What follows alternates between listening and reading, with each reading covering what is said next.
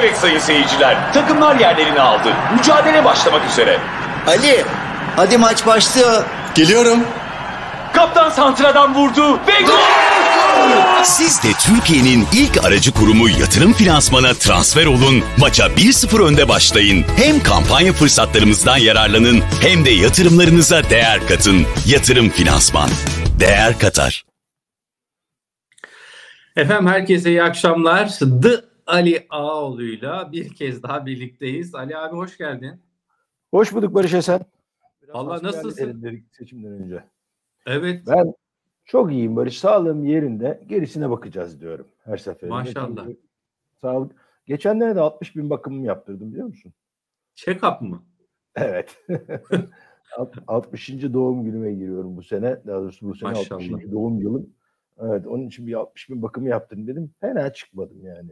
Şunu düşünüyor muydun? Maşallah. Abi mesela 20 yaşında 30 yaş ya 60 yaşına geleceğim 60 yaşına geldiğinde çok yaşlı gibi geliyor mu da 60'lı yaşlar ve şu an ne hissediyorsun? Ya 60 yaşa boş ver orası çok uzak. Ben orayı hayal etmiyorum. Bak ben 63 doğumluyum. 2000 yılı bak 2000 yılı 1900'lü yıllardan 2 ile başlayan bir milenyuma geçiyorsun. 2000 yılında ben 38 yaşında olacağım diye uf amma yaşlı olacağım diye böyle kendi kendime ayıplanıyordum abi yani. Değil 60'a gelmek. Yani onun Ya. için bayağı bir yol kat etmiş durumdayım yani. O 2000'e geçişle ilgili ya ben yanlış hatırlamıyorsam bizim de biraz daha gençliğimiz e, bu bilgisayarlar efendim çökecek mi? Yok Windows buna ayak uyduruyor. Var ya, saçma bir şey vardı değil mi abi ya? Y2K. Y2K deniyordu onlara. Year 2000 diye Y2K kısaltılması.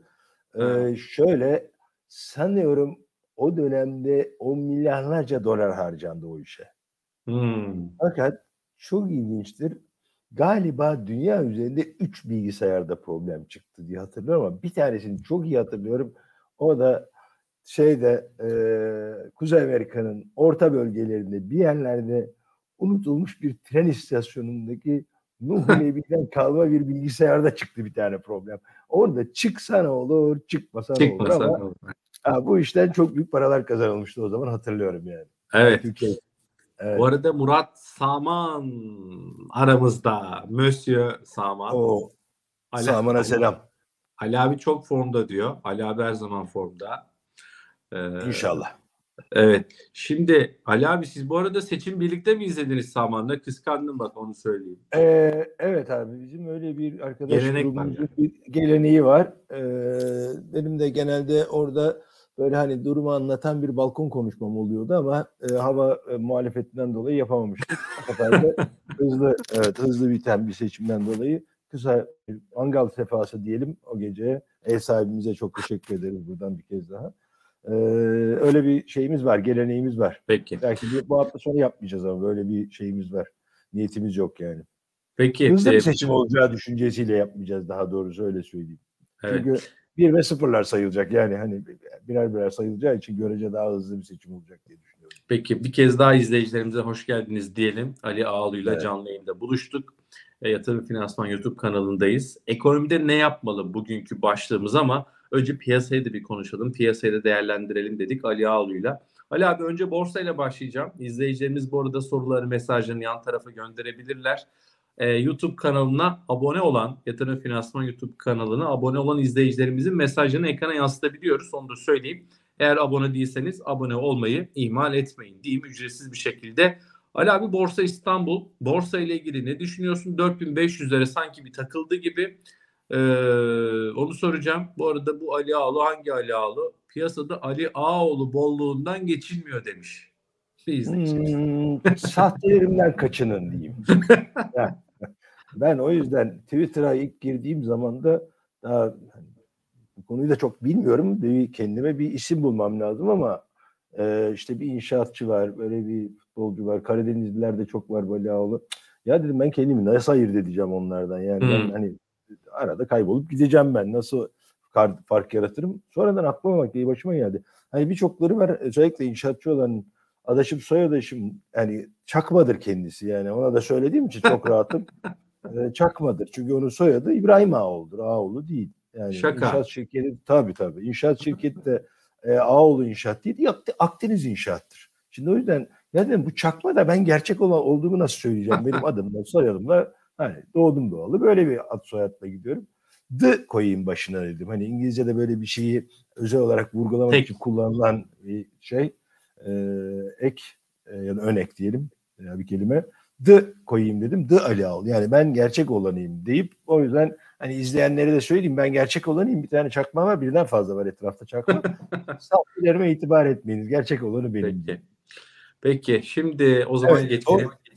Borsa İstanbul. borsa- Borsa ile ilgili önce yani genel böyle dünya toz bulduğundan değil ama hemen bu birinci tur öncesi ve sonrasıyla ilgili olan kısmı bir kısacık göz atalım diyeyim. Çünkü bir grafiği ekrana alalım. Ben kendimi biraz daha iyi anlatacağım orada galiba. Tamam. Ee, Geldi.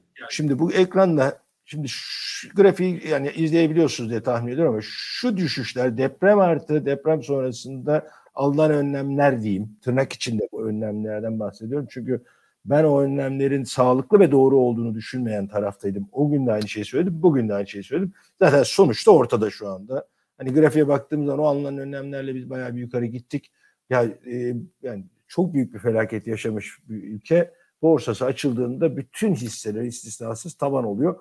Bu normal değildir. Eşyanın tabiatına aykırı bir şey bu. Onu böyle sentetik önlemlerle biz yukarı çektik. Buralara kadar getirdik. 5500'lere kadar dayadık ama dayanamıyorsunuz. Oradan itibaren seçim belirsizliği var. Daha majör bir şey bu.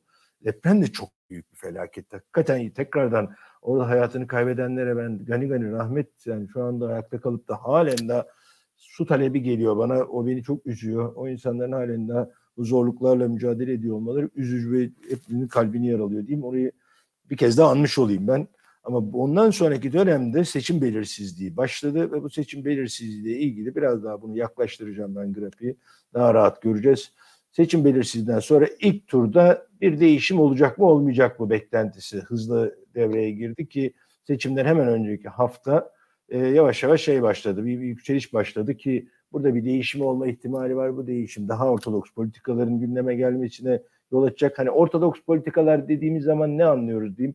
Hani çok fazla tanımı var ama kitapta yazan diyeyim ben. Hani kitapta bir de kitapta yazana da o kitaba geçene kadar çok denenmiş, yanılmış, düzeltilmiş. Neredeyse hani büyük e, düzeltmeye ihtiyaç duymayacak küçük düzeltmelerle ana hatları çizilmiş bir resim var ortalıkta. Yani bir tablo değil, bir şaheser değil henüz de ama artık taslak aşaması çoktan geçmiş kur, şeyler, kurallar silsilesi diyeyim. Hani onlara yaklaşacağız düşüncesiyle piyasa bir yukarı gitti. Gitti gitmesine de birinci turun sonunda yani görüldü ki değişim olmuyor veya en azından bu ihtimal şimdilik düşmüş durumda. O yüzden de ya eski tas eski hamam olacak mı? Olursa ne olur? Bu seferki başka belirsizlikler gündeme geldi ve borsa şu anda açıkçası patinaj yapıyor. Yani patinaj, Patinaj yaparken yapıyor. Ha, patinaj yaparken şunu da söyleyeyim. Şimdi burada bu resme bakınca iki üç tane şeyi söylemem lazım. Bir bu deprem sonrası ve önce, hemen öncesi şurası. Deprem sonrasındaki önlemler şu e, bar burası. E, 16 Şubat'taki açılış. Ama baktığınızda böyle bir düşük daha düşük. Yani lower lows dediğimiz bir önceki düşüğe göre daha düşükler geliyor ve şu seviye özellikle bu mavi çizgi 200 günlük hareketli ortalama. Yukarıdaki kırmızı da 50 günlük. Şimdi bunun aşağı kırılması özellikle kırmızı 50 günlüğün 200 günlüğün aşağı kırması bayağı zor bir e, teknik e, şeydir, formasyondur. Hani 50 günlük 200 günlük aşağı geçerse düşüş devam eder. 50 günlük 200 günlük yukarı geçerse de yükseliş devam eder gibi genel bir kabul görmüş prensip vardır. 3 aşağı 5 yukarı da doğru ve tutar yani bu. Şimdi burada bir gap var. Yani bu şeyden sonra birinci turun sonucu 14 Şubat Mayıs'tan önce 4758'den 95'ten kapatmış borsa. Ertesi gün gördüğü en yüksek yer 4700. Arada 95 puanlık bir fark var. %2'lik bir fark var. Çok sert satışlar. O sert satışlar mutlaka beraberinde kredili satışları getirdi. Bu şeyler, aracı kurumlar biraz e, zoraki satışlar yapmak zorunda kaldılar. O tabii hareketi biraz hızlandırıyor, sertleştiriyor. Ama dikkat edersen 1, 2, 3, 4, 5, 6 gün hep 200 günlük hareketli ortamada büyük ihtimalle seçimi böyle kavaşılarız diye düşünüyorum ben. Şimdi Hmm. buradan sonra müsaade edersen bu grafiği kapatıp e, şey yapıyorum. E, normale dönelim. Şundan dolayı. Şimdi bu grafikten anlatılmayacak. Bundan sonra ne olacak sorusunun yanıtı önemli. bundan sonraki soru aslında grafikten birazcık bağımsız. Hakikaten yeni dönemde ya da seçimden sonraki dönemde e, kim gelirse gelsine bağlı bir iki şey söyleyeceğim. Sonra gelecek olan kişiye göre veya yönetime göre de değişiklikler arz edecek ama her iki halde de hem kurun hem faizin artması gerekiyor. Şimdi gerekiyor derken bu bir şart mıdır diye sorsanız e, bayağı bir şarta yakın diyeceğim. İki sebepten dolayı. Hani bundan önceki sohbetlerimizde de hasbihal sırasında da konuşmuştuk. Faiz şu anda iyice şey yaptı. ipin ucu kaçtı. Yani kaçan Hangi faiz? neresi? faiz? Bilmiyorum ki hangi faiz. Yani Türk lirasının bir fiyatı var ya. O fiyatı belirsiz şu anda. Karışık. Yani bilmiyorum şu anda ben hakikaten Türkiye'de Türk lirası faizi kaçtır sorusunun cevabı bende yok. Üstelik yakın zamanda değil bir 6 aydır falan yok yani. Bu çok önemli bir sorun. Hani Sayın Cumhurbaşkanı çıktı faizleri düşürmeye devam edeceğiz dedi. Fakat piyasada iş gören faiz, tabela faizi isterse istediği kadar 8,5 olsun. Tabela faizini kullanan çok az yer var. Yani çok az yerden kastım işte özellikle düşük faizli bonoları aldığı zaman bankalar onları Merkez Bankası'na verip karşılık olarak verip tekrar merkezden fonladıklarında arada çok küçük bir spread yapıyorlar ama aldıkları bonolar çok uzun vadeli. Bu TLRF'in yarın öbür gün ne olacağı belli değil. O arada vade uyumsuzluğundan dolayı çok canları yanabilir düşüncesiyle bu bono almayı gerektirecek hiçbir adımı atmıyorlar. Yani dikkat edersen kredi kartları ve nakit avansla ilgili de bir şey getirildi. Çok hızlı, iki gün içinde hemen geri alındı. Çünkü hakikaten ödeme sistemlerini tehdit eden şeyler bunlar. Bu ödeme sistemlerinden de hani bunu ısrarla söylüyorum ama kredi kartı, EFT, havale, çek, senet yani bu gibi şeylerin kullandığımız araçlar, ödeme araçlarında bir problem çıkar ve bunların bazıları ödenmez veya ödenemezse bu yalnız kişi yani kişiyi, şahısların veya şirketlerin kendi kreditlerinden kaynaklanan bir durum değil. Sistemik olarak bu akışkanlığı sağlayamazsanız bu sistemler kilitlenir. Kilitlendikten sonra parası olan da ödemez. Yani parası olan bile ödemez. Çünkü bir sonrakinden gelmeyebileceği düşüncesiyle kendi durumunu korur. O da birisine ödeme yapması gereken yapmaz. Yapmaya yapmaya sistem kilitlenir. Şimdi ona meydan verilmemesi gerekiyordu. Bir iki gün böyle bir sıkıntı yaşandı. Sonra tekrar düzeltildi ama tekrar olmayacak diye bir Ya bunu niye aldılar abi ya? Bir, bu bir ara başlık ama ya niye çıktı bu karar? başlık aslında büyük bir başlık. Ben sana büyük başlık olarak bir yanıt veririm, vereyim müsaade edersen. Evet yani ne oldu da böyle bir anda nakit avans falan is- Bu arada çok özür dilerim. AK Hı hı. Parti içerisinden de çok ciddi tepki oldu. Ya bu Merkez Bankası bu düzenlemeyi niye yapıyor? Seçim öncesi böyle Evet. şey yapılır mı? Piyasayı mı öldürmeye çalışıyor falan. Ben böyle AK Parti'nin bayağı hani etkili isimlerinin sosyal medyada mesajlarını gördüm. Ee, içeriden de bir tepki oluştu. Ya sadece seçim öncesi yapılır mı sorusu bana çok anlamlı bir soru gelmiyor. Neden bunu Hmm. yaparsınız sorusu daha anlamlı. Çünkü şimdi neden yapıyorlar diye baktığında işte dövize ve altına para gitmiyor. Kaçma. Hı. Ya şimdi kaçan para kredi kartından ne kadar para çekebilirsin de bundan gidip ne kadar döviz alabilirsin. Geçtim. Evet haklısınız. Küçük küçük paralar büyüyüp kar topu oluşturuyor. Bu sıkıntı yaratabilir. Bunu da anlarım. Ama sadece bu önlem değil. Geçtiğimiz 3 hatta 4 ayda alınan ve bu tebliğin yayınlandığı günden geçerlidir diyen o kadar çok düzenleme geldi ki ve bunların da neredeyse tamamı neredeyse tamamı döviz talebi yaratabilecek kaynakların yolunu kesmek. Yani oraya bir su akmasını engelleyecek bentler, bariyerler oluşturmak. Peki hiç kimse şunu sormuyor veya bunu çok fazla konuşmuyoruz. O döviz talebi ve o altın talebi neden var orada? Şimdi dedim ya sen ara başlık açacaksın ben bunu çok daha büyük bir soru haline getireceğim. İşte soru Kök bu. nedenine mi inelim diyoruz? Evet tabii ki çünkü alınan önlemler ister bir talep var ortada. Bu talebi mümkün olduğu kadar daraltmak, küçültmeye çalışıyor. Hayır orada bir talep var. Yani o talebin ortaya çıkış sebebini biz kurutmamız lazım. Bataklığı kurutmadığın takdirde sivrisinekleri istediğin kadar spreyle veya da işte ilaçlama yap. Çok fazla bir işe yaramıyor. Bataklığı kurutmamız lazım. Burada da bir talep var. Bu talep neden var? Önce buna bir baksak ve ona uygun çözümler üretsek daha iyi. Bir talep var. İki yeterli arzda da soru işareti var. Ee, şöyle o zaman ikimizi de düzelteyim müsaade edersen. Pardon peki. Bana Ee, düşmez ya. Böyle bazen böyle yok, boyumdan büyük laflar ediyorum özür dilerim. Yok ben de çok güzel oluyor. Çünkü hasbihal dediğin karşılıklı muhabbet ediyoruz. Birimiz diğerimize destek olacak. Şöyle ki e, talebin karşılayabileceği arz yok veya arzdan daha fazla talep var. Yani bir talep var derken söylem itibar, itibariyle bir talep var diyoruz. Her zaman bir talep var da şu andaki konuştuğumuz talep arzı geçen miktarda talep olması. Veya arzın tamamını bir anda tüketmek istemiyoruz. Kademeli olarak tüketelim. Belki vazgeçerler bundan. Belki vazgeçerler diye politika yapılır mı? Yapılmaz yani. Onun için hani buradaki talebin neden olduğu sorusu da biraz evvel tekrar başa dönelim. Hani seçimden sonra ne olacak konusuna hemen bağlıyorum. Bak gördüğün gibi çok açmıyorum. Meseleyi çok büyütmeden gidiyorum. Ee, talep e, bu talebin olmasının sebebi faizdeki belirsizlik neklesaklığın olmaması. 8,5 tabela 40 iş gören faiz. İşin daha kötüsü. Şu anda 40 faiz TL mevduata veriliyor görünse de işin komik tarafı ve kötü tarafı kur korumalı mevduata da 35-40 faiz alabiliyorsunuz. Ve herkes bunu dolara aldım diye düşünüyor. Neden dolar aldım diye düşünüyor? Şimdi iki tane buradan ben müsaadenle bu kur korumalı mevduatla ilgili bir hem e, uyarıda bulunmak isteyeyim hem de bir konunun altını çizmek istiyorum. Çünkü e, bankalar normalde 12, 13, 15 kur korumalı mevduatın kıyas yapılacak bir faizini veriyorlar. Sonra üzerine 40'a kadar, 35'e kadar bir yerde de ekstra e, ya promosyon Prim. diyorlar ya prim diyorlar, bir şey veriyorlar. Ama o primin içinde mutlaka o kur korumalı mevduatı yapanın e, bir opsiyon satıyor olması lazım. Yani bir risk alıyor olması lazım. Ya alacağı dövizi bankaya satmayı kabul ediyor. Yani bir kol opsiyonu satıyor. Ya da bankada e, Merkez Bankası'ndan döviz almayacak ama bankadan bankanın onlara döviz satmasına izin verecek bir put opsiyonu satıyor olabilir. Yani bir opsiyon yazıcısı olması lazım ki bu prim gelmesi lazım. Ve bütün ben dolarıma 40 alıyorum, dolarıma 35 faiz alıyorum diyen herkes için çok basit bir varsayım var. Bu varsayım da gerçek olmayabilir, olamayabilir.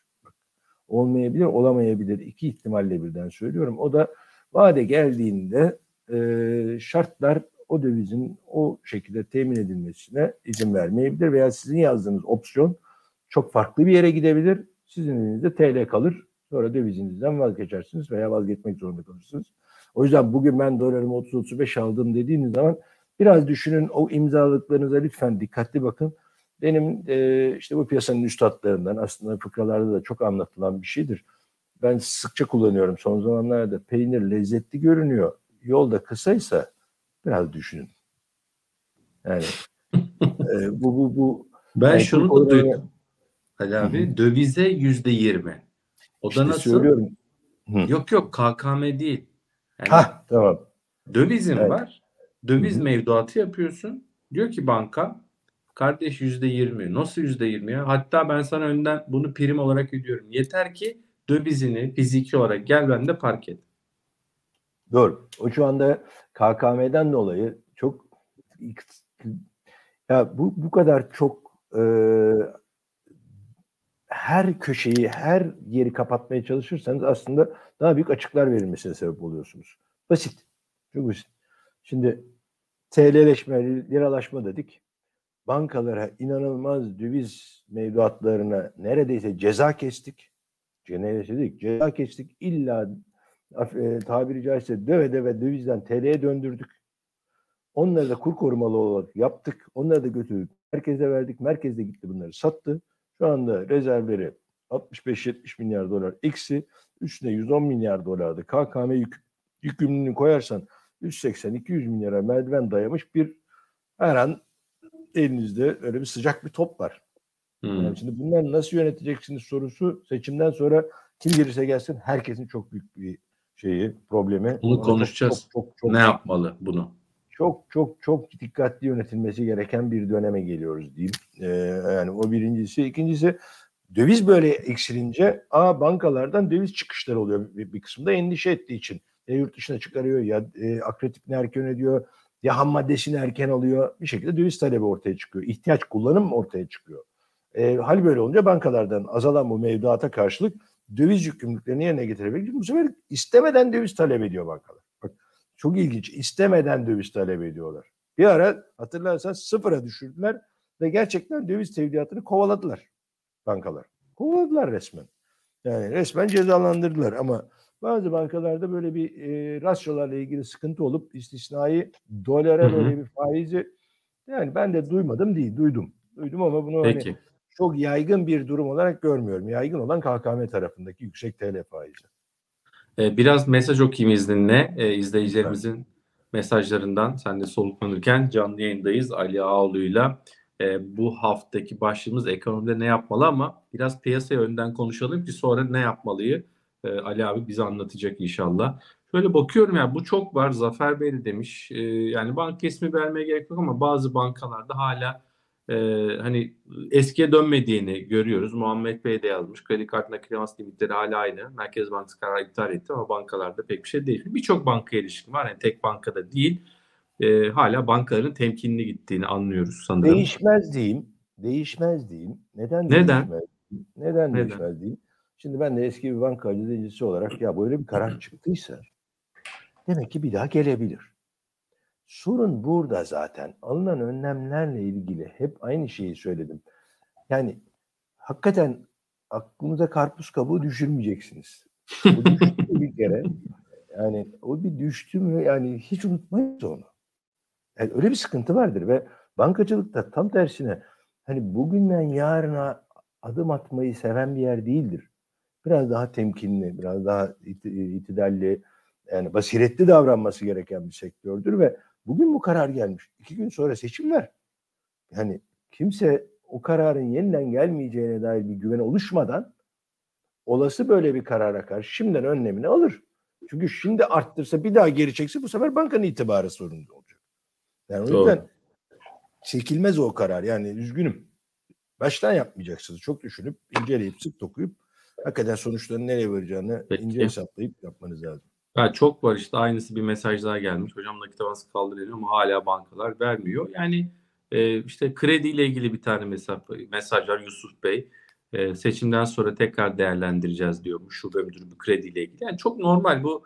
Ya bu hafta artık biraz olağanüstü hafta. E, yani çok ben bunu şey olarak da görmüyorum Ali abi. Yani ya bu, bu evet bu bir seçimi bitirsin, bitsin. Sonra bakarız Yani bu bir iki günü artık bir şekilde bu haftayı atlatacağız. Yani sonrasında dediğim gibi bakacağız. Hasan Bey sorularımıza hiç cevap verilmedi ondan demişsiniz ama hiç baktım yukarı bir soru sormamışsınız. Sadece selam yazmışsınız. Sorunuzu lütfen sorun yanıt vermeye çalışalım. Ee, canlı yayındayız. Hepsini tabii ki yanıtlayamayabiliriz ama aralardan e, seçip yanıtlamaya çalışıyoruz. Ee, umarım başarırız diyelim. Ee, şimdi borsa ile ilgili Önder Bey sormuş. Dolar borsa mı borsaya gideceğim. CDS ile ilgili çok soru var. CDS'lere de bir başlık açmak istiyorum Ali abi. 700'ler civarı.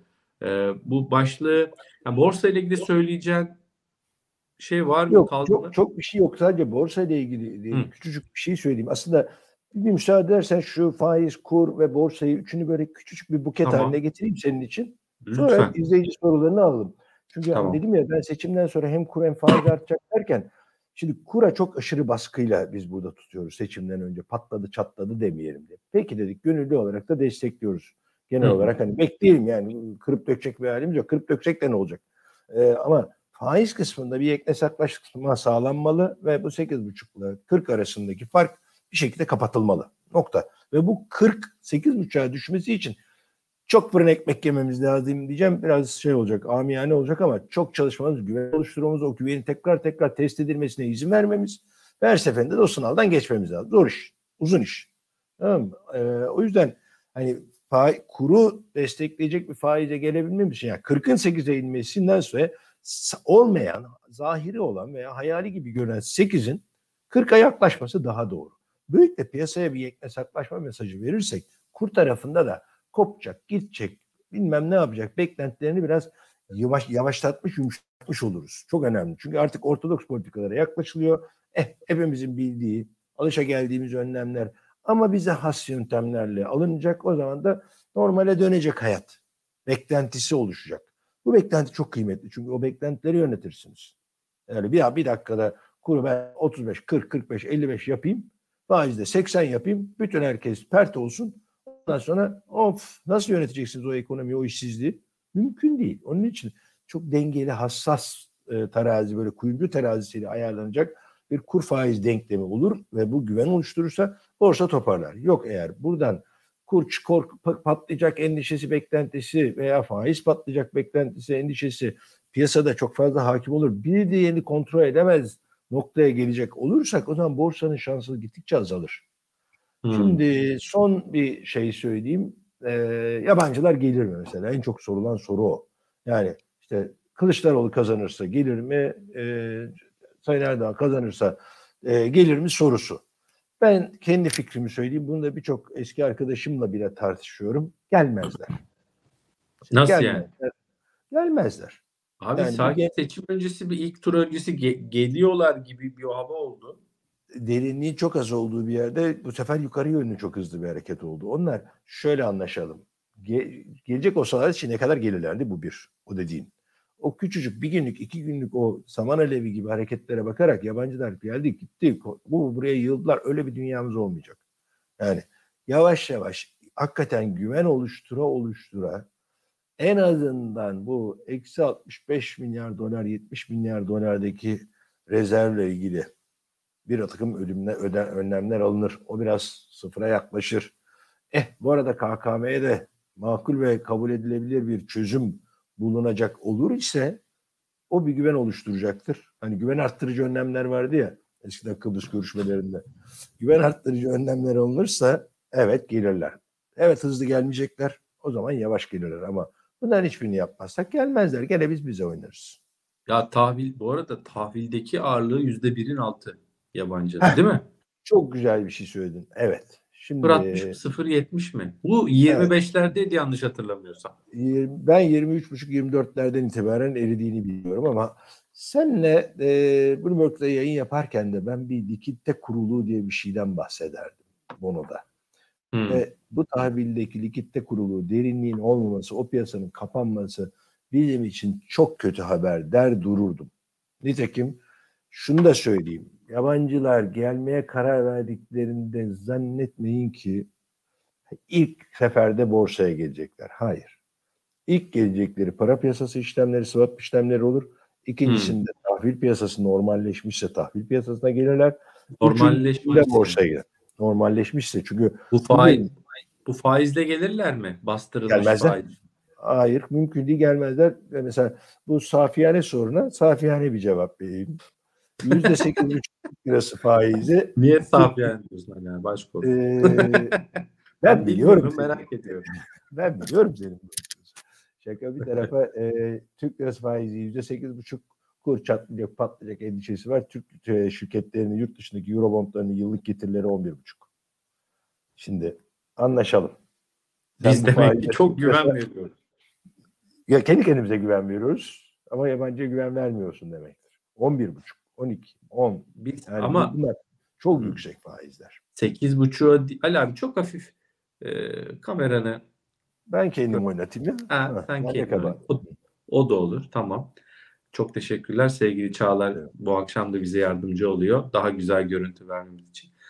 Biz mesela bu faiz maiz yabancı bu faize gelir mi? 8.5'a mı bakalım yoksa tahvil faizlerindeki bankaları birçok düzenlemeyle tahvil tutmaya yönlendirip diyeyim, zorlamak demeyeyim, yönlendirip bu faizleri buralara kadar getiren e, regülasyonlarla oranın mı normalleşmesinden e, bahsediyoruz?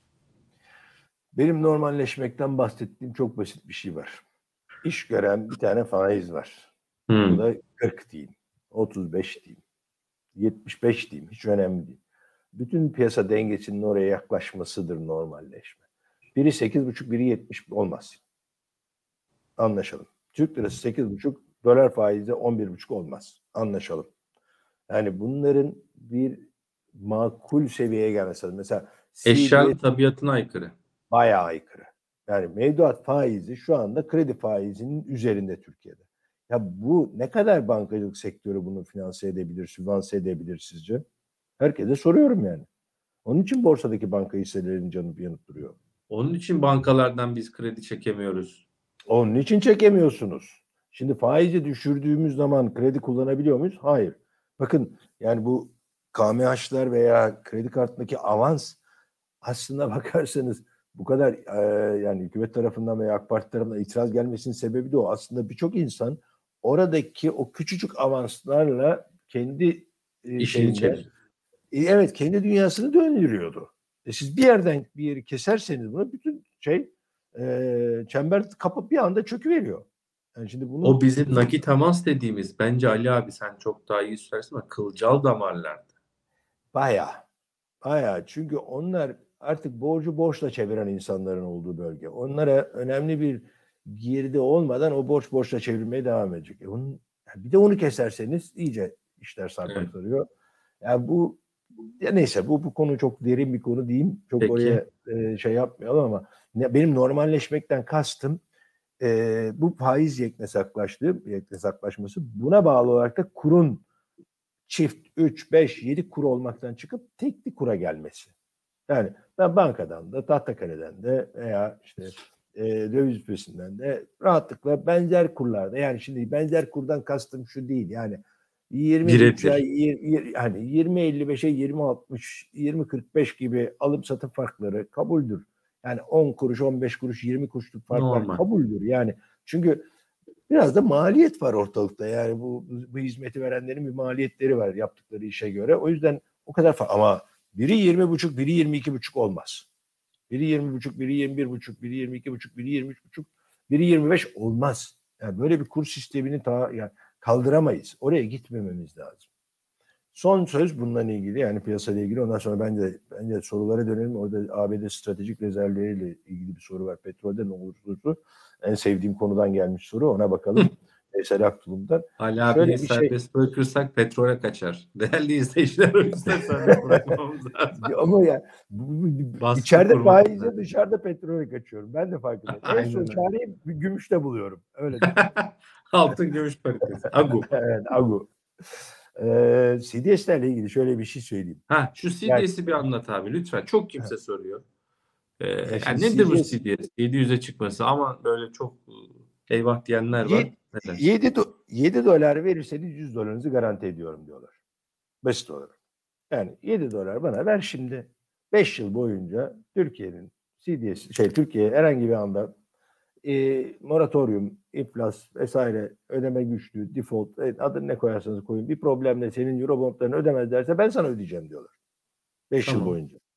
Yani ama her yıl %7 vereceksin. 35 dolar vereceksin. Teknik olarak bakıldığında.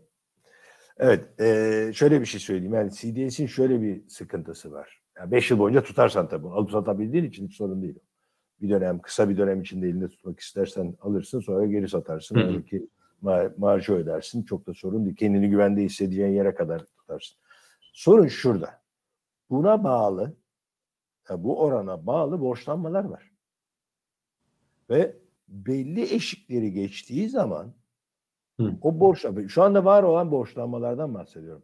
Bu sendikasyonlar, e, club loan dediğimiz e, değişik bankaların bir araya gelerek oluşturdukları bir kredi havuzundan siz bir borç almışsınız. Bunun eşikleri var. İşte 700, 700, 800, 950, 1000, 2000, 2000'e bile eşik var. Şimdi siz belli bir seviyeye kadar A faiz ödüyorsunuz. Diyelim ki 6 faiz ödüyorsunuz. Ve CDS 500. 750'yi geçince eskiden e, 600 bas puanlı ya da %6 faiz ödediğiniz yer 7,5 olacak diyor. 1000'i geçtiği zaman 11 olacak diyor. Ya 7,5'tan 11'e çıkacak. Yani çok yüksek artışlar olacak. Ya bu biraz abartıyorum örneği. Bu kadar şey yapmıyor, zıplamıyor aradaki farklar ama ona bağlı borçlanma. Ederse onu bir e, benchmark, bir endikasyon olarak kullanıyorlar. Ve senin CDS yani ülkenin CDS arttıkça senin riskin artıyor. Bu riske karşılık sen bana daha yüksek faiz ödemen lazım demeye başlıyor borç verenler. Şimdi ya da geri çağıracaklar. Madde de var öyle. Yani öyle bir madde de olabiliyor. Siz belli bir CDS oranına geldiğinizde bir problem yok ama o oranı aştıktan sonra bana yüzde kırkını geri vereceksin diyor. E yok nereden bulacaksın parayı? Bu sefer yüzde yüzünü default etme ihtimali beliriyor. Yani o hani işte o kredilendirme kuruluşları ey dediğimiz zamanları hani geride bıraktık ama etkilerini halen daha yaşıyoruz. ve yaşamaya da korkarım devam edeceğiz. Ya yani bu içinde bulunduğumuz dünya ile ilgili biz Batı finans sistemine entegre bir yapıyız. Doğu'da bize kaynak ayıracak kimse yok. Anlaşalım. Yeniden Batı finans sistemiyle barışmanın bir yolunu bulmamız lazım.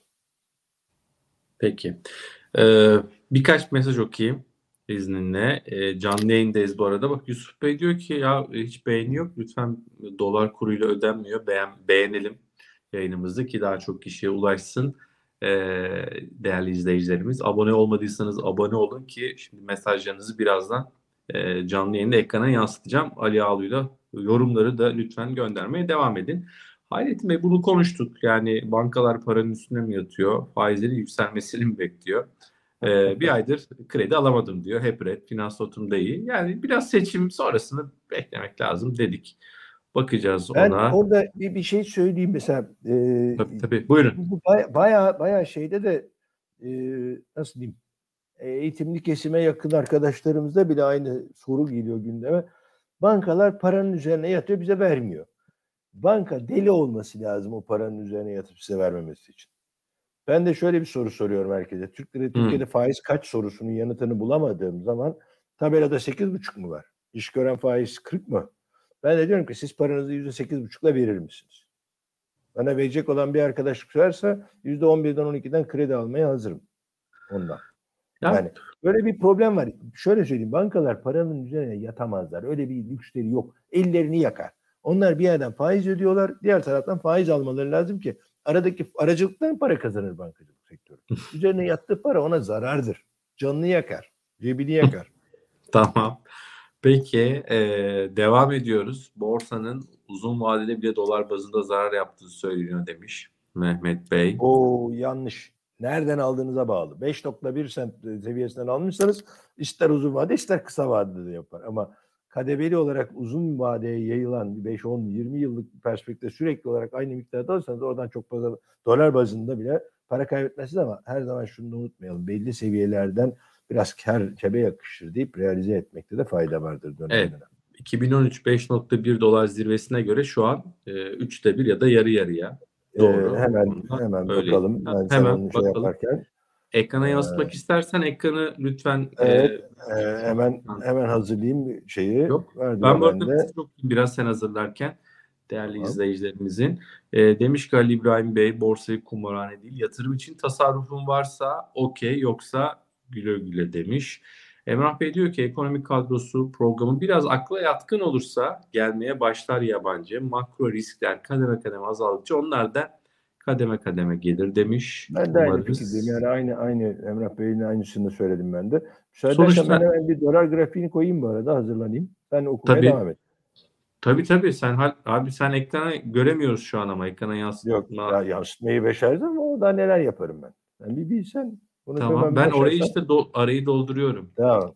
Evet. mesajlarla. Sen hazır olduğunda hemen Hazırım susacağım. ben geldi mi bilmiyorum. Tamam ekranda verelim sevgili Çağlar. Top Ali Ağul. evet geliyor. Geldi. Evet. Şimdi hemen bu dolar bazında grafik en son şu andaki değeri 2.25 dolar. Yani bugün itibariyle 2.25 dolar. Şimdi bu grafiği birazcık büyüteceğim. Zaten olayın resmi benim için budur. Hatta Hı. biraz daha kibarlık yapıp daha temizleyeyim ben bunu. Derdimi daha iyi anlatacak. Şimdi Türkiye borsasının durumu bu. 2007, 2011, 10 ve 2013. 3 defa 5.1 senti gördü. Üstüne üstlük bunları da AK Parti döneminde gördü yani. Çok Tabii, uzak tabii. bir garip bir yerde görmedi yani. Şimdi Yani o zaman iki yatırım yapılabilir notu AK Parti döneminde aldık 2013'te. Evet. İki yatırım kuruluşu. Moody's Fitch. Yani şurasını kabul etmek lazım. Bütün dünya çöktü. 2008. O şeyden Lehman'ın batışı, Amerika'daki kriz. Burada kabul edelim herkes için kötü. Ama sonra bu kadar hızlı toparlayan da çok az bir piyasa var. Yani Türkiye hak etmediği kadar değer kaybetmişti. Çok hızlı toparlandık. Hani teğet geçti, meyet geçti meselesi bir tarafa ama çok hızlı toparlama potansiyelimiz vardı.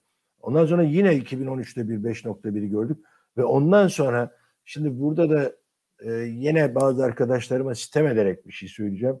Ya biz hep günü kurtarıyoruz, bugünü kurtarıyoruz. Bir çaresini buluruz. Ya dediğimizden bu yana borsa değer kaybediyor.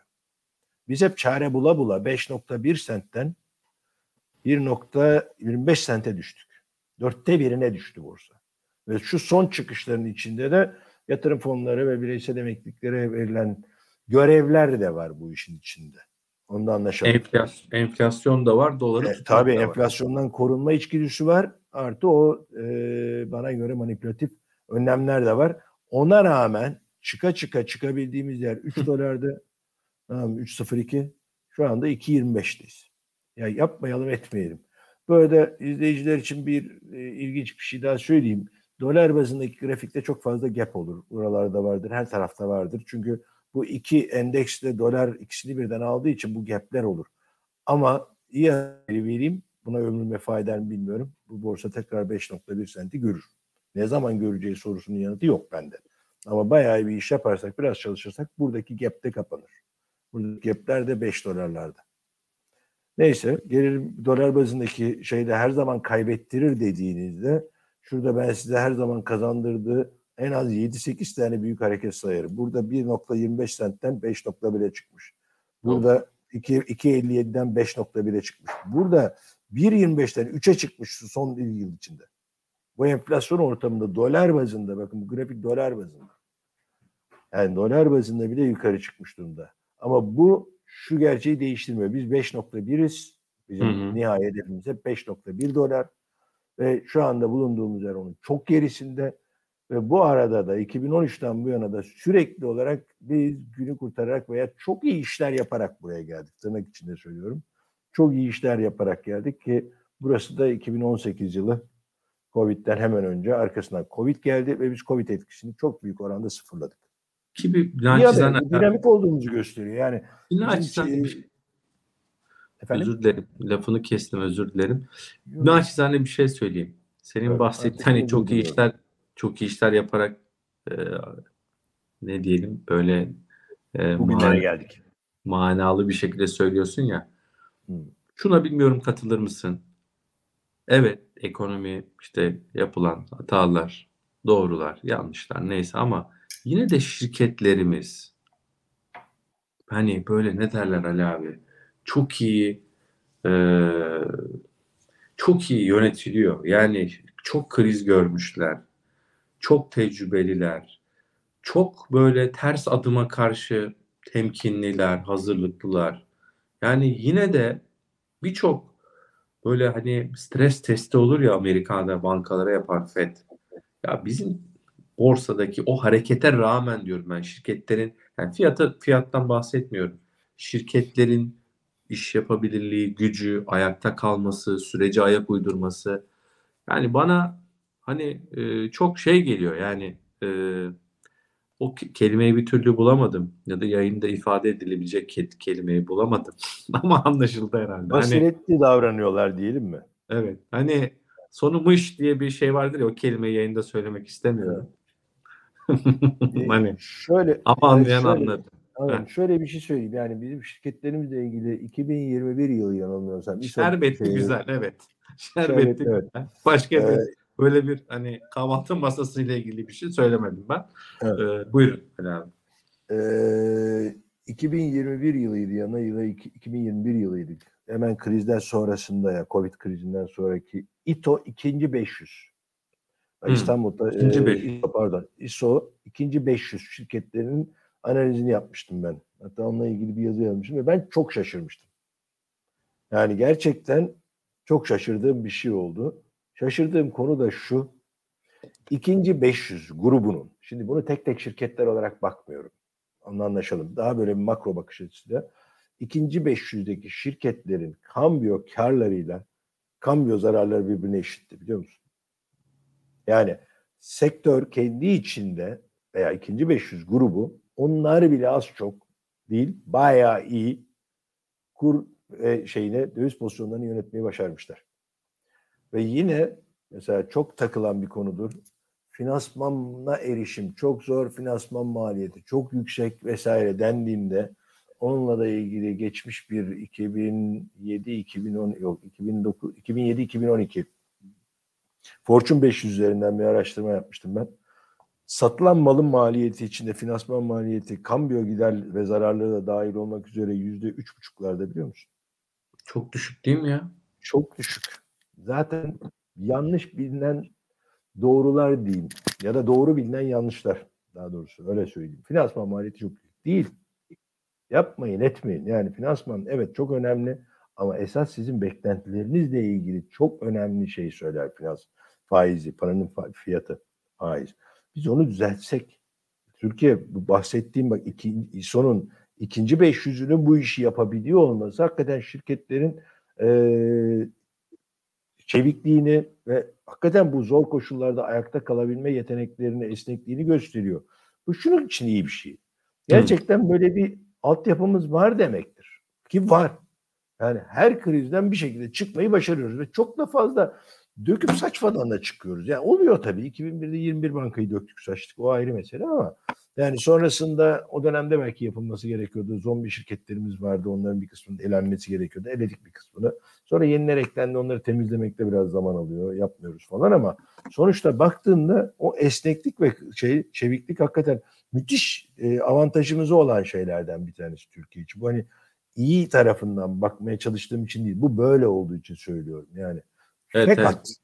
fakat burada çok bir önemli bir şey var bir yere kadar neden diyeceksin? Aynı esneklik ve çeviklikteki dünya şirketleri seni geçiyorlar. Çünkü sen içinde bulunduğun ortam nedeniyle ne yazık ki kafanı çok fazla yukarı kaldırıp da dışarı çıkıp onlarla didişemiyorsun. Senin 11,5 faiz ödediğin bir dünyada onlar şu anda en yükselmiş haliyle 5,5-6 ödüyorlar. Sen 11,5 iki katı faiz ödüyorsun. İşte orada finansman maliyeti çok ciddi can yakıyor. Ya da sen kredi erişimi ben nasıl yapacağım? Doları of. nereden bulacağım? Doları kaçtan o alacağım? Prim ödeyeceğim derken. Ha? Tabii o kadar prim öderken şimdi başka bir problem çıktı. Şimdi kur iki tane üç tane kur diye biz burada hani finans hmm. piyasasında küçük çapta bir e, hani sohbet ediyoruz, hasbihal ediyoruz bu konuda ama bunun pratik karşılıkları oluşmaya başladı. Şirketler faturalarını tahta kale kuruyla resmi kuru ortalaması gibi şeylerden kesmek istiyorlar. Merkez Bankası prim, kurunu dikkate almıyorlar değil mi? Merkez Bankası kurunu dikkate alıyorlar. Üzerine yüzde iki prim isterim diyorlar.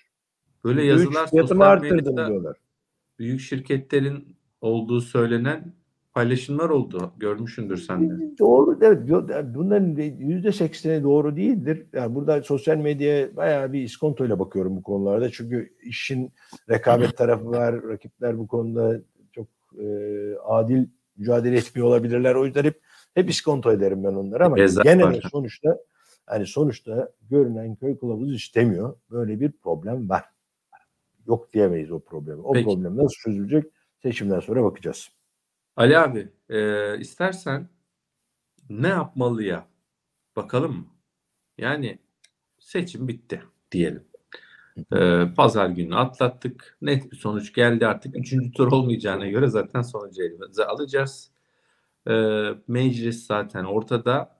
Cumhurbaşkanı da yeni Cumhurbaşkanı da seçmiş olacağız inşallah. Bu arada herkes oy kullansın diyoruz. Bütün yayınlarda söylüyoruz. Evet Lütfen ben de. Gidelim. Ee, sonra hani şikayet etmeyelim. Şikayetimiz varsa mutluysak da sahip çıkalım.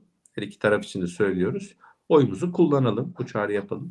Pazartesi günü geldiğimizde mutlaka yeni bir ekonomi yöntemi olacak. Neden olacaktır? Düşün.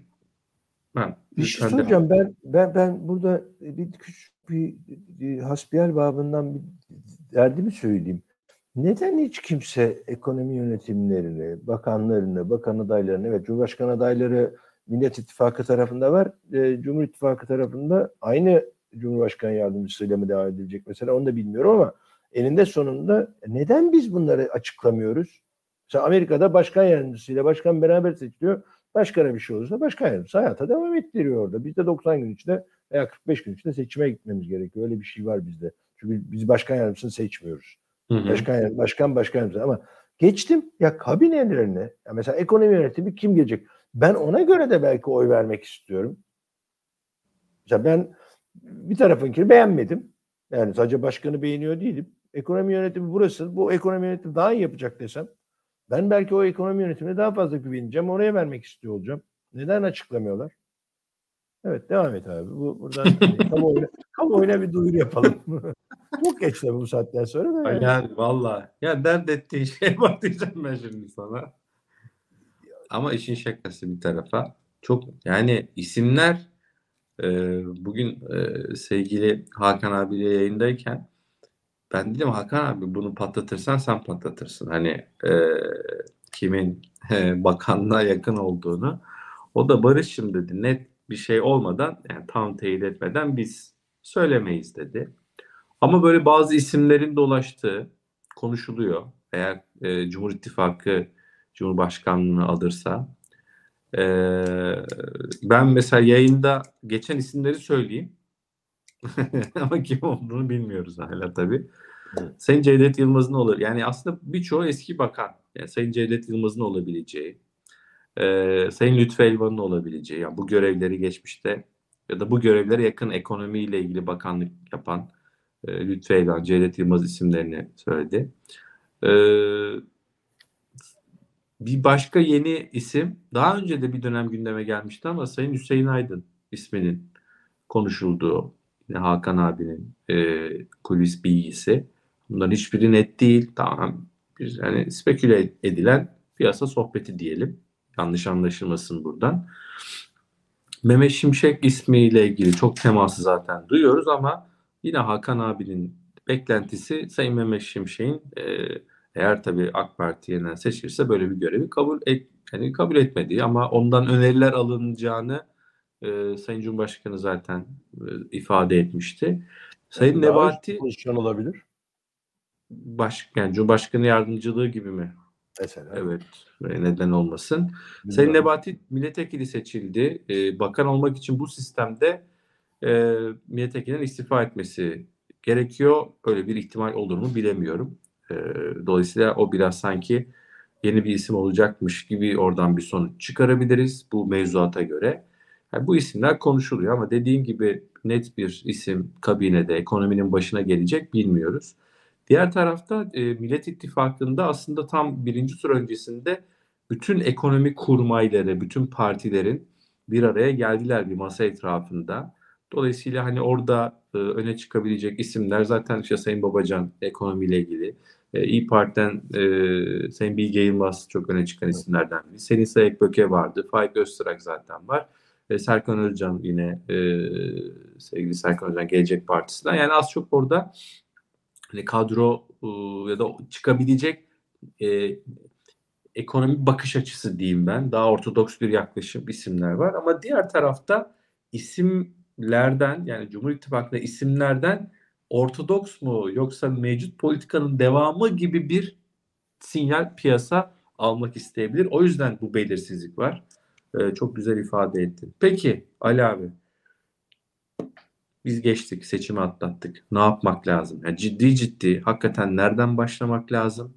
Ee, ekonomide ne yapmak lazım? Para politikasında mı, bütçede mi, cari açıkta mı? Nereden başlayalım? KKM'de mi? Oturup şöyle hakikaten sakin kafayla bu seçim bütün hani balkon konuşması yapar ya Cumhurbaşkanı artık hemen herkesin Cumhurbaşkanıyım deyip hani ekonomide hepimizin ekonomisi bir ekonomide bir balkon yaklaşımıyla oturup sakin kafayla bütün paydaşlarıyla ne yapmak lazım diyeyim. Ben sözü sana bırakayım. Ee, başlığımıza geçmiş olalım. Buyurun. Şimdi burada hani bir ekonomi programı yazacak halimiz yok. Yani ona e, şu anda hani haddimizi aşmamak lazım. Estağfurullah. zaman söyleriz ama yani onlar bize sormuyorlar. Fakat ben olmazsa olmaz gördüğüm birkaç kalemi e, paylaşmam lazım. Ben bunların hepsinin ötesinde ilk ve en önemli şey ödeme sistemlerini tehdit eden Türk lirası kredi kullanımı konusunun esnetilmesi şartı var. Ama bunu esnetirken de hakikaten şu anda yüzde sekiz buçuk bazlı diyeyim yüzde on üç on beş gibi faizlerle kredi kullanılan bir ortam da var. Bunu kullanabilenler kullanıyorlar. Şimdi buradaki izleyicilerimizin birçoğu şey yapamıyor, e, kullanamıyoruz diye şikayet ediyorlar ama kullanabilenler de var. Şimdi bu kullanabilen kullanamayan ayrımının tamamen ortadan kalkması, herkesin belli bir yekle saklaşmış faiz ortamında Türk lirasına en azından ulaşabilir olması gerekiyor. Bu birinci olmazsa olmazımdır benim. Kredi muslukları açılmalı. kredi muslukları makul ve kabul edilebilir bir faiz seviyesine getirildikten sonra faiz açılmalı. Yani orada önce kredi musluğunu 8,5'tan açarsan kredi şey mevduat 40 iken enflasyon 55 iken o 8,5'lu açtığın kredi ortalığı yangın yerine çevirir. Enflasyonu patlatır. Bankalar acayip zarar etmeye başlar. Saçma sapan bir dünya olur.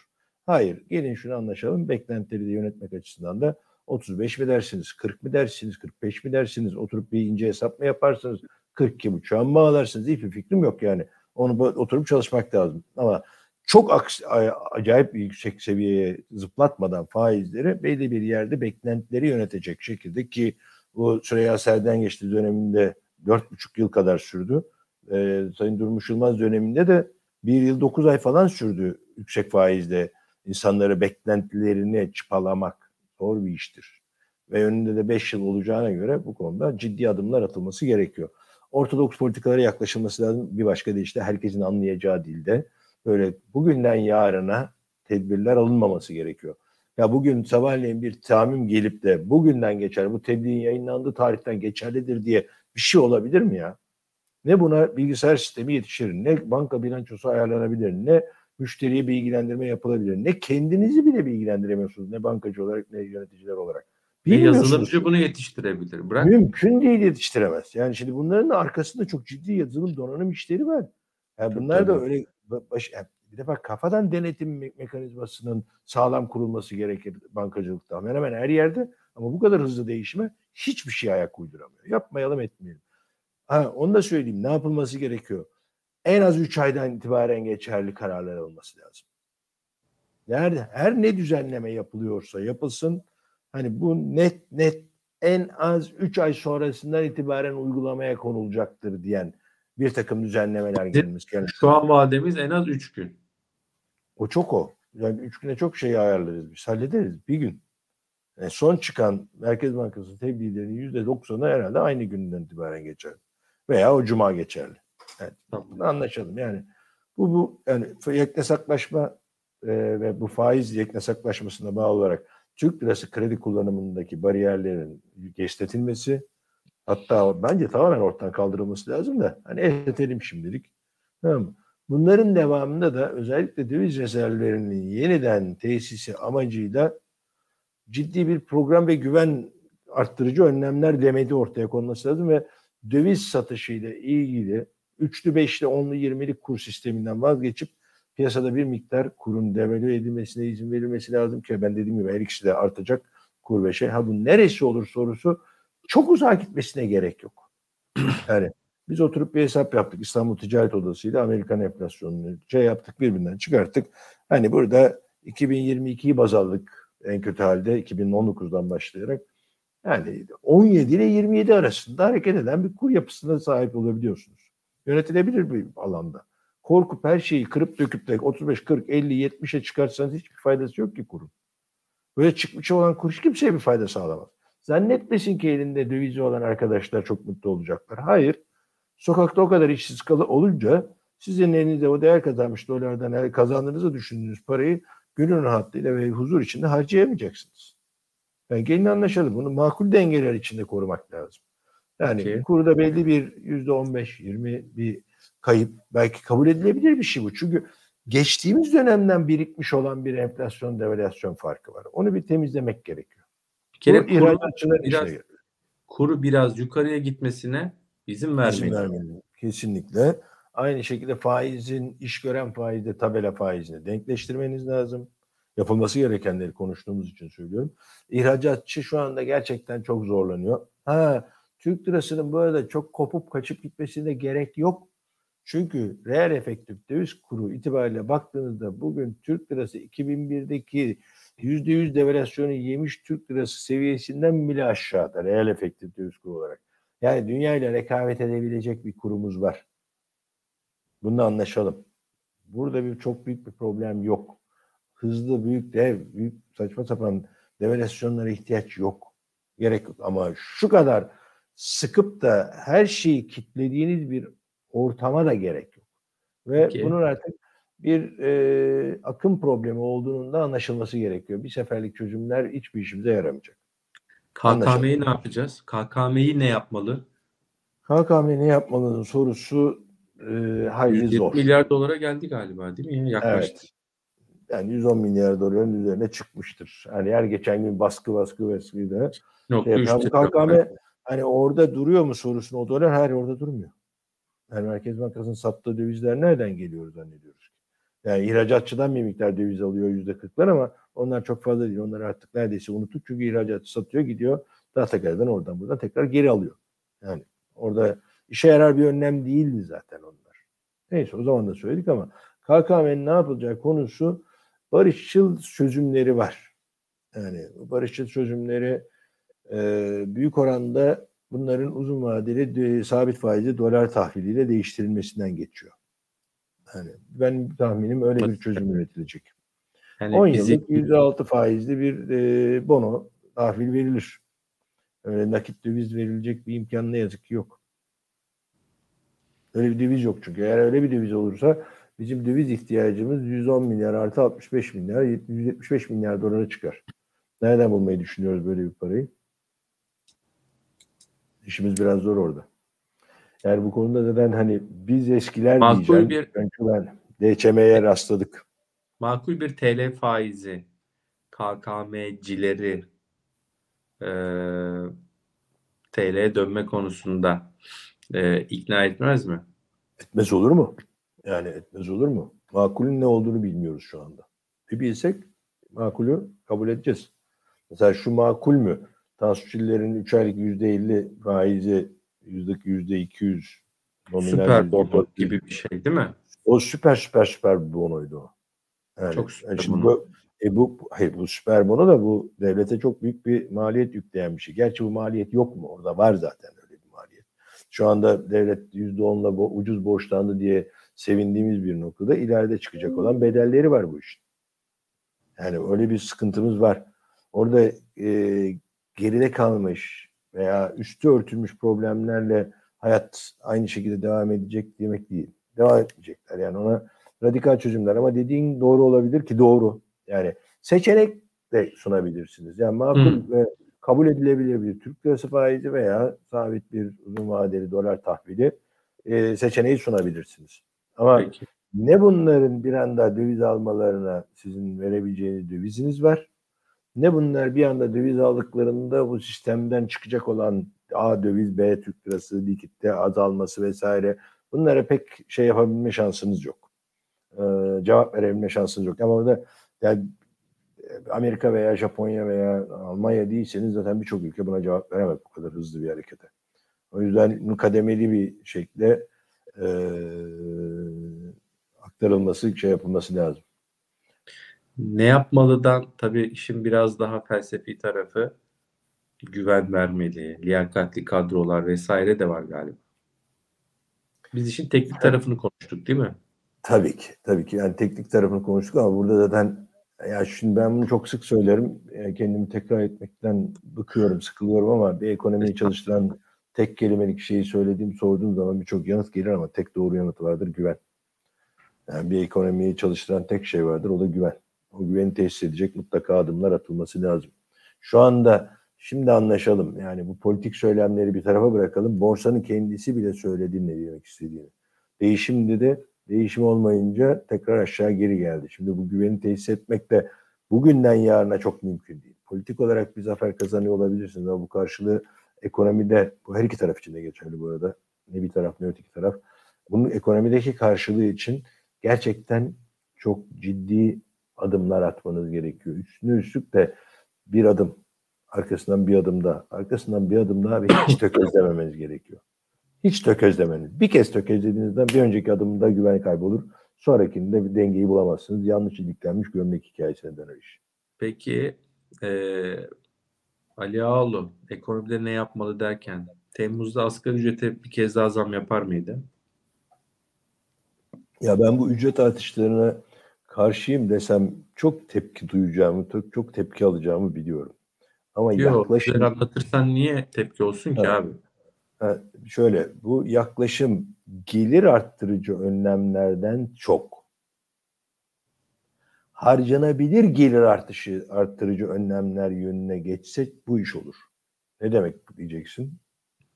Ben Hı. fiyatların artmasına izin veriyorum. Geliri de arkadan ona yetiştirmeye çalışıyorum.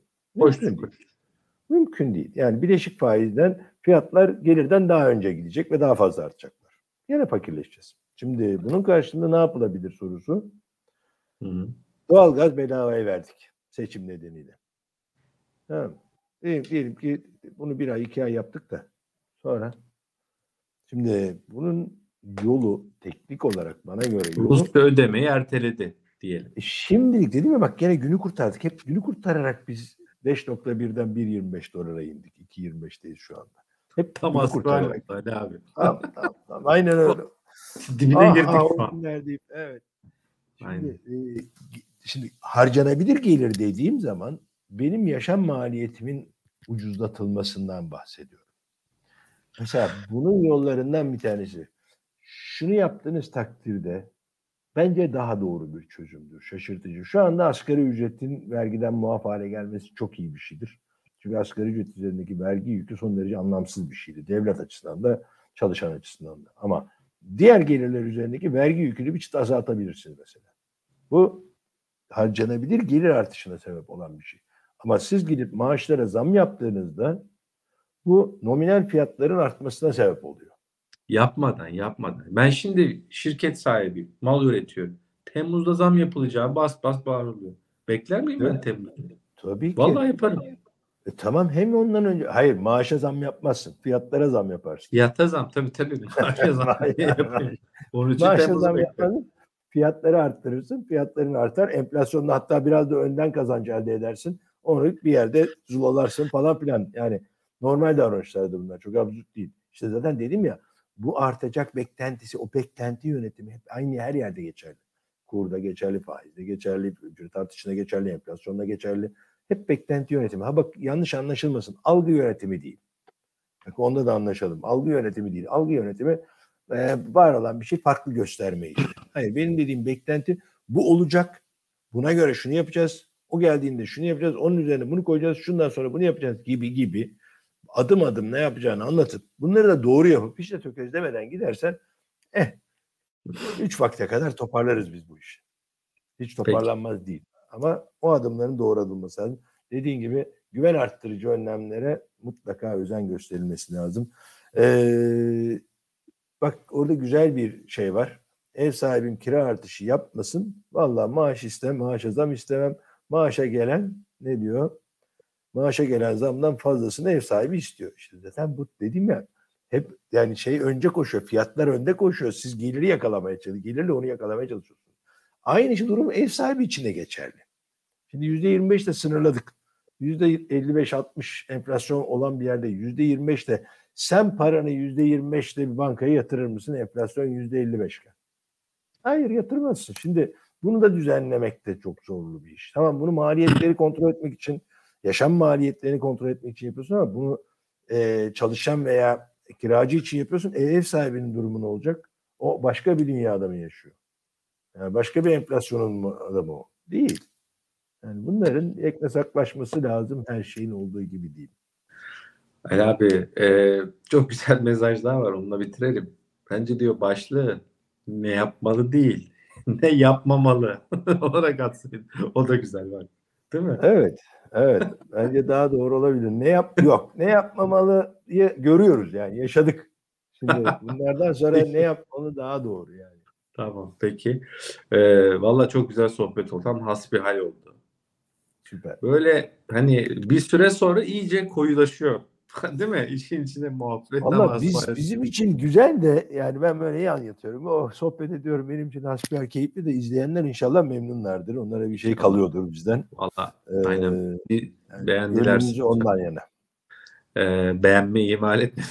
Beğenmiyorsanız da yap, yani yapacak bir şey yok ama umarım beğendiniz. Beğendiyseniz beğen tuşuna basın. Eğer abone değilseniz e, Yatırım Finansman YouTube kanalına abone olmayı unutmayın. Ali abiyle e, genelde 15 günde bir yapıyoruz ama valla geçen hafta bir cesaret edemedim. Aklıma geldi de vallahi bak. Dedim Geçen Ali abi biraz ben de, ben ben cesaret edemez miyim? Ben kaçtım yani yoruldum çok yoruldum. Ben biraz dinlenmeye kaçtım. O yüzden yapma, yapamazdık yani. Teknik Aynen, olarak da biraz zordu. Aynen. Ondan sonra yani hayırlısı olsun diyelim. Bu hafta yaptık. İnşallah e, seçim sonrasında da yaparız bolca. Küçük Çok- bir soru var. Ona ben bir yanıt vereyim. Onun Buyur çünkü abi. sıkça bunu bir görev biliyorum. O yüzden söylüyorum. Borsayı uzun vadede nasıl değerlendiriyorsunuz sorusu diye bir soru var. Gökhan Gülpınar'dan. Ee, ben borsa ve uzun vadeli yatırımdan anladığım şu. Herhangi bir seviyeden ben bütün paramı borsaya ne yatırırım ne orada böyle bir pozisyon alırım. Benim uzun vadeden anladığım bir yatırım perspektifim. Ben mesela emeklilik best diyeyim. 10 sene, 15 sene, 20 sene dik bir perspektifte para biriktireceğim. Parayı 2, 3, 4 değişik alana dağıtacağım diyelim. Borsada bunların içinde yani toplam portföyün içinde %15-20'lik bir pay alacak diye varsayalım. Sadece teorik olarak konuşuyorum. 100 birimim var. 100 birimle götürüp borsaya herhangi bir seviyeden asla yatırmam. Ve çok büyük hatadır. Mesela şöyle bir şöyle bir şey düşünebiliyor musun? 5.1 sentten dolar bazında 5.1 sentten ben uzun vadeli yatırımcı olacağım diye birisi borsaya girmeye karar verdi. 2,5 senti var şu anda. Hala bekliyor. sonra? 10 yıl sonra. 10 yıl sonra 1980 yılında 50 dolardan gümüş almış olan adam bir kere 50 doları gördü. Onda da çıkamamıştır. Şimdi gene 23 dolarda. 1980, 2023, 43 yıl. 50 dolardan uzun vadeli yatırımcı olmaz. Ama şu olur. Her ay, her 3 ayda bir, her 6 ayda bir eşit miktarlarda sürekli biriktirmek kaydıyla belli bir portföye yatırım yaptığınız takdirde o portföy uzun vadede hem tasarruf hem kazanç açısından size getiri sağlayacaktır. Çok ilginç istatistikler vardır. Mesela borsaya baktığınızda, Amerikan borsasına baktığınızda 3 aylık tahvil faizini 40 yıllık bir perspektifte geçebilen hisse sayı sene, şey, hisse senedi oranı endeksin %15'i falan. %85'i yenemiyor tahvil faizini 40 yıllık bazda uzun vadede. Ve dönem dönem hep birkaç hisse senedi veya birkaç sektör bir parlar söner, parlar söner, parlar söner. Bu, bu Amerika'da da böyledir. Ama faiz diye baktığınızda o bileşik faiz ki Warren Buffett'ın hani çok ısrarla söylediği e, konuların başında gelir. Bileşik faiz üst üste koyularak elde edilen getiriden bahsediyoruz. Ona özen gösterirseniz tahvil faizinde bile uzun vadede kazanabiliyorsunuz. Borsada da belli bir orandaki bir yatırımınızı her ay aynı portföye, aynı hisselere yatırıp ama bu arada bir şey daha yapmanız lazım. Temettülerini de tekrar aynı portföyün içine yatırmanız lazım. Hmm. Temettüyü de alıp harcarsanız ana paranız azalıyor. Temettüyü de içine koyarsanız bu tasarrufun bir parçası çünkü. Ve her ay minik minik minik minik minik minik şura. O zaman bir seferde 50 dolardan bütün hepsini almış olmuyorsunuz gümüş mesela. Veya Evet. 5.1'den bir seferde bütün paranızı borsaya yatırmış olmuyorsunuz. Bir küçük parçasını 5.1'den bir küçük parçasını 1.25'ten yatırdığınızda ortalamanız zaten sizin olması gereken yere getiriyor size. Onu da Peki. uzun süre taşıdığınızda böyle bir avantaj elde edebiliyorsunuz. O yüzden borsada uzun vadeden ne anladığımızı ve benim anlayışımın bu olduğunu bir kez daha paylaşmak için o soruyu hemen cımbızladım. Vallahi harika oldu. Çok çok teşekkür ederim. Çok keyifli abi seninle sohbet etmek. Benim için çok değerli. Çok şey öğreniyoruz. Ee, bu işte şu hisse e, yani bu öbürleri değersiz diye söylemiyorum ama şu hisse ne oldu? Bu burayı kırar mıdan çok daha böyle kıvamlı, hani lezzetli bir sohbet. Ee, o yüzden iyi ki varsın. Çok teşekkür ederim. İnşallah yine buluşacağız. Değerli İnşallah. izleyicilerimize de çok teşekkür ediyoruz. Ee, Yatırım Finansman YouTube kanalında Ali Ağaoğlu ile birlikteydik. Eğer e, beğendiyseniz programımızı beğenin. Abone değilseniz abone olun ve bildirimleri açarak bu yayını kaçırmayın diyelim. Bir sonraki yayında buluşmak üzere. Herkese iyi akşamlar efendim. İyi akşamlar.